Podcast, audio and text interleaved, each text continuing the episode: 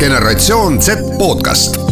saade valmib koostöös Euroopa raadiote võrgustikuga Euronet pluss, mõista Euroopat paremini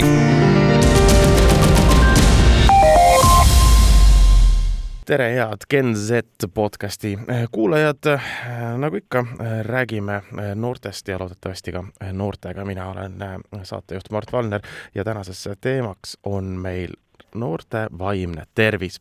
mul on väga hea meel, et seda teemat on minuga koos avamas psühholoog ja pereterapeut Kätlin Konstaabel. Kätlin, kõigepealt tere! tere! no alustame võib-olla sellise üldise küsimusega. me oleme väga palju kuulnud äh, sellest, et äh, noorte vaimne tervis on teema, millele peab rohkem tähelepanu pöörama ühe, ühe külje pealt kindlasti sellepärast, et sellele lihtsalt pööratakse rohkem tähelepanu, mistõttu tuleb rohkem probleeme välja, mida varem ei suudetud diagnoosida, aga teise külje pealt võib-olla ka sellepärast, et või, või ma küsingi teie käest, kas asjad on kuidagiviisi generatsioonide kaupa hullemaks läinud, ehk siis milline see meie noorte praegu vaimne tervis on? Ma tahaks võib-olla hoopis alustada natuke üldisemast momendist, et kui me mõtleme noorte peale, siis see on ju vanus, kus püütakse ennast nii-öelda maailmas leida, enda jaoks leida ja oma identiteet välja kujundada. ehk et see on nagu läbi aegade olnud selline ühtepidi väga selline rõõmus ja lootusrikas periood inimeste elus, aga see on ka väga suurte siseheitlustega sageli seotud ja sealt tuleb ka ju see, et paljud äh, psüühikahäired hakkavad ennast ilmutama just sellises noores täiskasvanu eas. noh, seda peetakse päris, päris keeruliseks ja kriitiliseks ja vastuoluliseks perioodiks seega nii et ma ütleks, et äh, võib-olla see on praegu nüüd niimoodi, et me räägime sellest rohkem, et et on rohkem murekohti ja tuleks tegeleda, aga selline väljakutsete aeg on see olnud ikkagi läbi aegade, et noh, mõtleme kirjandusklassikale Noore Werteri kannatused, eks, et et see on läbi aegade olnud keeruline periood mm. -hmm. nii et äh, siin sellist äh, põlvkondade vahet nii suurelt äh, välja ei tule, kui palju meile võib-olla meediapildis äh, võiks, võiks äh, tunduda, sellepärast et me lihtsalt räägime sellest rohkem praegu. aga siin võib-olla tulebki see põlvkondade vahe välja, et, et varasemad põlvkonnad meil siin Eestis, räägime Eestist, on olnud valdselt rohkem sellise suhtumisega, et noh, kannatame ära, saame hakkama kuidagi, mis me räägime, siis järsku probleemi ei ole ja ega ei ole ju ka väga olnud selliseid võimalusi noh, siis oma vaimset tervist nagu ju joonde saada, et mis me siis räägime, nii palju järsku noh, teeme rohkem haiget. et äh, rasketel aegadel, jah, ka sõja ja igasugu kriisiaegadel inimesed on väga üldse fokusseeritud ju lihtsalt ellujäämisele, eks ole, et et sellised mõtisklused hingeliste elamuste üle, noh, nad ei saa seda endale lubada. et ma arvan, et siin tuleb küll põlvkondade vahe sisse, et et praegu on hakanud noored väga toredal ja avatumal viisil äh, nendest teemadest rääkima ja on ka varmemad abi otsima, mis muidugi tekitab olukorra, kus teadlikkus on suur, aga kas abi alati kätte saab, on teine küsimus mm. -hmm. no eks selle abi, abi pakkumine on kindlasti äh, ka nii, et mitte enam noorte generatsiooni, vaid vanema generatsiooni ülesanne suuresti. aga noh, seesama noor, äh, ütleme, kes on praegu saanud kaheksateist, eks ole, tema kogune murdeiga või, või muutumisaastad on ju suuresti möödunud äh, kliimakriisis, tervishoiukriisis, äh, majanduskriisis, sõda, sõjauudistes ja nii edasi, kui palju ühele, ma ütleksin, võib-olla tervele, tervele põlvkonnale selline üleskasvamine võib pitseri peale jätta? Kindlasti see jätab oma pitseri. nüüd on küsimus selles, et kuidas seda noort inimest ümbritsevad siis juba täiskasvanud seda talle nii-öelda raamistavad.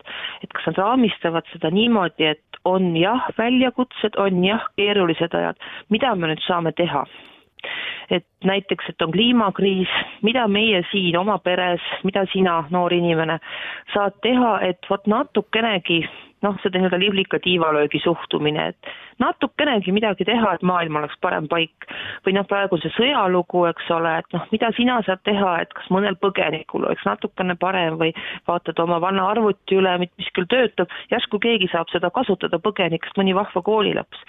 või noh, koroona ajal ka, et tegelikult piisas ju nii-öelda maski kandmisest ja, ja tõbisena kodus istumisest, et olla nii-öelda kangelase seisuses.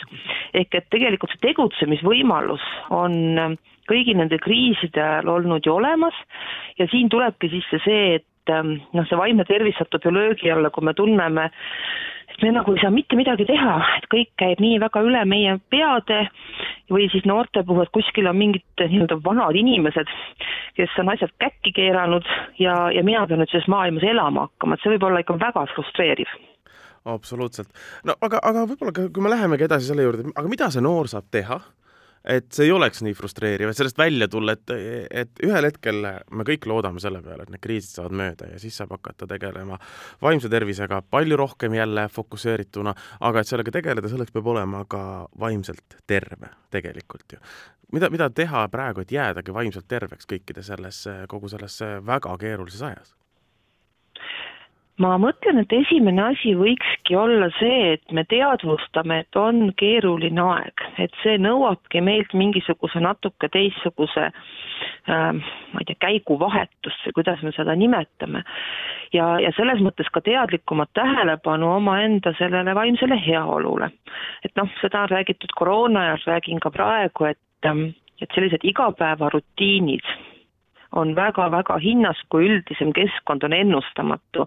magama minekud, ülestõusmised, hobid kindlatel kelladel, see on see asi, mida mina saan kontrollida kohe kindlasti. sõdu ei saa, kliimat natukene saan, koroonaga mine tea, aga vaat omaenda tegemisi ma saan kontrollida, ma saan kontrollida seda ka, kellega ma ise saan ümberkaudu kena olla, näiteks.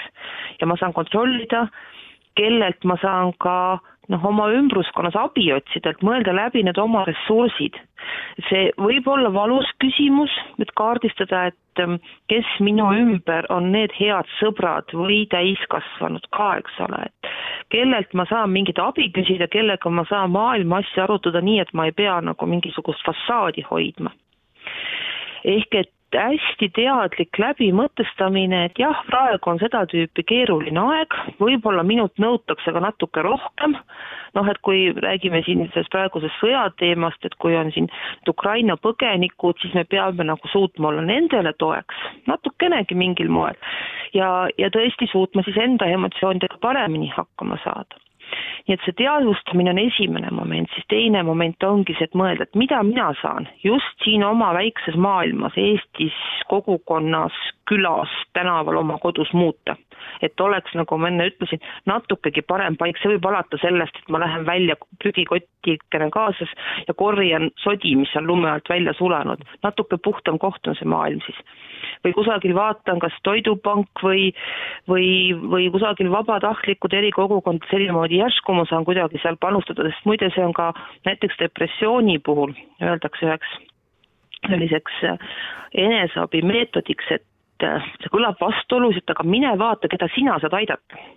Sest depressiooni puhul inimene tunneb, et ta on väga mõttetu olend, kellest ei sõltu midagi, kõik maailm on must, ta ei oskagi mõelda, et tema ka millekski sobib ja see annab vahel tohutu jõutunde, et ma saan kedagi aidata, see võib olla ka näiteks, ma ei tea, kassidele hoiukodu pakkumine või, või veel kord kusagil mingiks vabatahtlikuks minek, jess, mind on ka kellelegi vaja.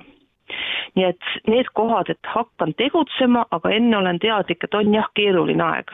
ma arvan, et need on kriitilised mm. -hmm. no selle juures tuleb ka mulle, mulle nagu kõlab selline osa nagu äh, sotsialiseerumise olulisus kuidagi, et, et otsida inimesi, keda aidata äh,, otsida inimesi, kellega suhelda, võib-olla ka, et kellelegi, kellele oma mure ära rääkida ja nii edasi, kas see on õige? absoluutselt, et Äh, üksinda on ikka päris keeruline ja üksi vahel me tahame ka ju noh, tahame seda nii-öelda maski hoida, et ma saan hakkama ise, ma ei, üldse ei põe, ma ei närvitse. tegelikult see normaalne positsioon, mina tahaks öelda, on niimoodi, et meil kõigil on omamoodi keeruline, kõigil natuke isemoodi, see võiks olla selline nii-öelda fakt mõni saab ühtemoodi hakkama, teine teistmoodi, mõni sellel hetkel natuke paremini, teine natuke kehvemini, aga et me kõik oleme sõdade, kliima, koroonade ajal väljakutsete ees. see võiks teha nagu normaalsemaks seda, et jah, räägime, suhtleme üksteisega, oleme üksteise jaoks olemas et me ei pea keegi fassaadi hoidma, et niimoodi me saame ka üksteist jõustada. Ja muidugi sotsialiseerumine ka selles mõttes, et kui ma ka lähen kedagi teist aitama, siis seda saab ju ka teha sõpradega koos või noh, nagu minul on hakanud nüüd tunduma, et selle Ukraina kriisi üks boonuseid Eesti jaoks on see, et täiesti võhivõõrad eestlased astuvad kokku kokku, hakkavad koos aitama, midagi korraldama, et ma olen hämmastavalt paljude võhivõõraste inimesega sattunud suhtlema praegu just. et see kuidagi on hästi jõustanud ka eestlasi, kui me saame kedagi teist inimest, kes on hädas, aidata absoluutselt. Äh, need kõik soovitused, mulle tundub ka, et ei, ei, ei käi ju mitte ainult noorte kohta, et need on asjad, mida peaksid ka täiskasvanud äh, või noh, mitte täiskasvanud, aga ka vanemad inimesed ja kõik kuulama, et, et, et need ongi sellised üldised äh, hoia oma tervist väga head nipid kahtlemata, aga ma panustaks selles mõttes täiesti võib-olla ebaproportsionaalselt palju noortele, et noortel tihti on ka sees seda hoogu ja seda mõtlemist, et maailm võiks olla noh, natuke teistsugune, natukene võib-olla on see naiivne hoiak, võib-olla idealistlik hoiak, aga seda soovi näha maailma parema paigana ja mitte veel sellist kibestumist, noh, seda on nagu noortel ikka rohkem, nii et ähm, selles mõttes on noortel siin ka rohkem võimalusi ja seda nähakse ka mingis mõttes normaalsemana, et kui kui mõni eakas inimene hakkab korraga väga sahmerdama, siis võib-olla ümberkaudsed vaatavad, et no ei tea, mis temal nüüd hakkas. aga noorte puhul on see noh, natuke nagu normi osa, see natuke ka mässumeelsus, eks ju mm. -hmm. no natuke rohkem kui aasta aega tagasi ütles sotsiaalkaitseminister Signe Riisalo, et et noorte vaimne tervis vajab eritähelepanu kindlasti, kui ta kohtus noorteorganisatsioonidega. noh, te olete selles mõnes mõttes ka süsteemis sees äh, psühholoogina, teate, mida riik teeb. kas riik teeb praegu piisavalt, et äh, noorte vaimset, vaimsele tervisele tähelepanu pöörata? Äh, ma kindlasti ei tea, mida, mida riik kõike nüüd teeb, noh, mina küsiksin seda, et kas koolidesse näiteks on tulnud juurde äh, koolipsühholooge, see on olnud läbi aastate probleem, et, et seal seda abi ju ei ole. ma tean, et on kogukonnapsühholoogi nii-öelda mingi meede, aga ma olen ka kuulnud, et paljud omavalitsused äh, ei ole sellest olnud huvitatud ja see ei ole see, et omavalitsus on paha, vaid, vaid seal on väga erinevaid põhjusi, et ka näiteks äh, väga suur rahaline koormus jääb omavalitsuste peale.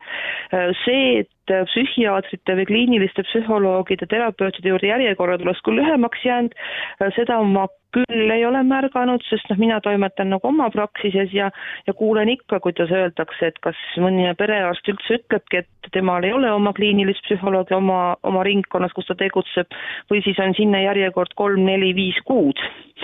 Et ähm, noh, see, see on väga keeruline valdkond ja õnneks noortele muidugi on olemas sellised toredad ka online abi otsimisvõimalused, nagu näiteks peaasi.ee, kuhu saab kirjutada ja ja noh, lasteabi, sinna saab ju ka veel pöörduda, et ähm, et ma väga innustan kasutama neidki võimalusi, et see on nagu midagigi ja, ja noh, et tõesti, kui on ikka päris hull see enesetunne, et siis ka tõesti ikkagi minna sinna erakorralisse abisse kohale psühhiaatriakliinikusse, mis, mis siis ikka, siis on seis selline.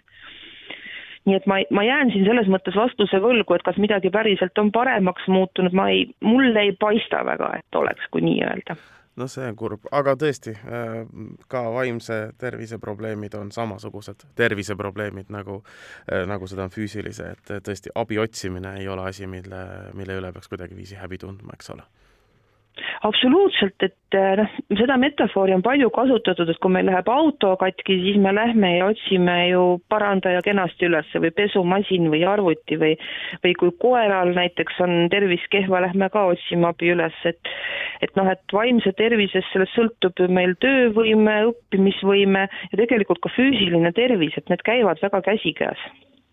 nii et muidugi peab abi otsima mm. -hmm.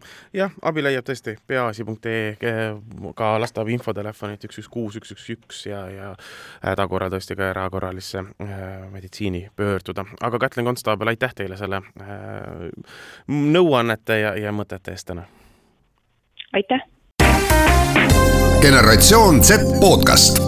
saade valmib koostöös Euroopa raadiote võrgustikuga Euronet pluss, mõista Euroopat paremini